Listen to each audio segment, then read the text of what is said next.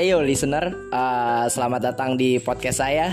Uh, kali ini saya akan uh, mengajarkan kalian tentang representasi matematika.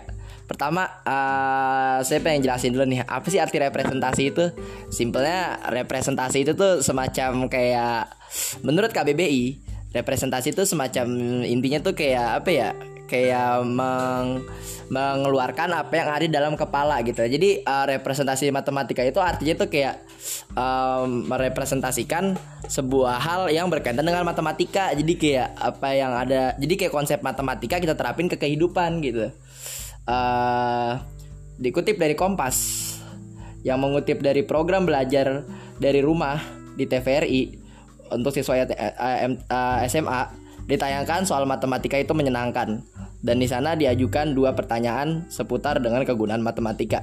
Soal pertama nih, berikanlah dua contoh pengaplikasian konsep matematika dalam kehidupan manusia sehari-hari. Jawabannya sih simpel aja ya. Kayak matematika tuh ada di sekitar kita semua. Matematika itu digunakan untuk menyelesaikan segala persoalan hidup.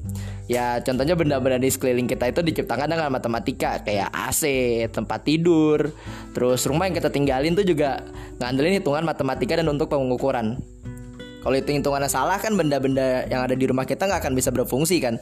Dan rumah pun bahkan bisa ambruk kalau ada yang salah hitung. Bagian-bagian yang dirakit dan dipasang untuk membentuknya menggunakan geometri atau ilmu tentang garis, sudut bangun datar, dan bangun ruang. Cabang ilmu tertua dalam matematika itu tuh membantu manusia dalam memahami bentuk yang kita temukan di kebutuhan dalam kehidupan sehari-hari. Begitu juga kayak ponsel nih yang kita pagi pakai sekarang, yang lulu pada lagi pakai buat dengerin podcast ini.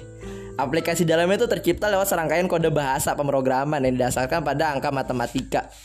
Iya kan kayak setiap perintah yang dikasih tuh pasti uh, langsung ngasih pilihan gitu kan. Kayak kita tuh mencet apa ntar muncullah apa gitu kan. Jika pilih ini keluar itu gitu. Nah itu tuh ada berkat ilmu logika yang dipelajari dari matematika. Di dapur ibu masak uh, pakai hitung-hitungan matematika juga. Contohnya kayak berapa banyak bumbu yang harus digunakan untuk masakan ada rasio dan perbandingan yang kadang uh, kita tuh nggak sadarin dan kita tuh sebenarnya tuh pakai gitu loh buat selama ini gitu. Contohnya jika resep untuk empat orang menggunakan 100 gram tepung, maka berapa banyak tepung yang digunakan jika ingin masak hanya untuk dua orang? Ya simpelnya uh, ya kayak 100 dibagi dua eh 100 dibagi empat aja kan. Jadi kayak kurang lebih satu orang tuh mungkin dapat 25 gram tepung gitu karena itu kan uh, mempengaruhi dengan mempengaruhi matematika gitu. Jadi matematika tuh turut andil dalam hal ya kayak masak memasak atau apa pun itu deh. Belanja bahan-bahannya pun pakai matematika Contohnya satu bungkus seharga 7000 diskon 20% Maka berapa harga yang nanti dibayar ke kasir? Di rumah tangga operasi aritmatika dan aljabar digunakan untuk mengelola keuangan Sementara pemerintah juga ngurusin jutaan rumah tangga kan. Pasti mereka pakai matematika juga kan. Contohnya kayak statistika untuk menentukan kebijakan yang dibutuhkan warganya. Terus kebijakan itu juga dibuat berdasarkan angka-angka yang muncul dalam hitungan statistika. Bahkan politik pun juga menggunakan matematika. Operasi matematika digunakan buat ngitung jumlah suara yang diperlukan didapatkan calon kepala daerah maupun calon anggota legislatif. Terus uh, soal keduanya tuh adalah menurutmu nih ya uh, mengapa mempelajari matematika bermanfaat untuk menyelesaikan masalah dan menjadikan kita mengerti tentang dunia? Jawabannya ya simpel aja nih. Matematika tuh bermanfaat banget buat menyelesaikan semua masalah karena matematika adalah bahasa universal yang menjadi dasar berbagai hal-hal yang ada di dunia. Matematika membantu kita memahami model pola yang ada di sekitar kita di masa purba. Nenek moyang manusia mencatat benda-benda yang muncul di langit. Kemudian berbagai bentuk ditemukan mulai dari kotak, lingkaran, hingga segitiga gunung pun dapat kita kenali berkat matematika. Dari sinilah matematika muncul. Manusia menggunakan matematika untuk memasak, berbisnis, bermain, membangun rumah, dan segala hal lainnya.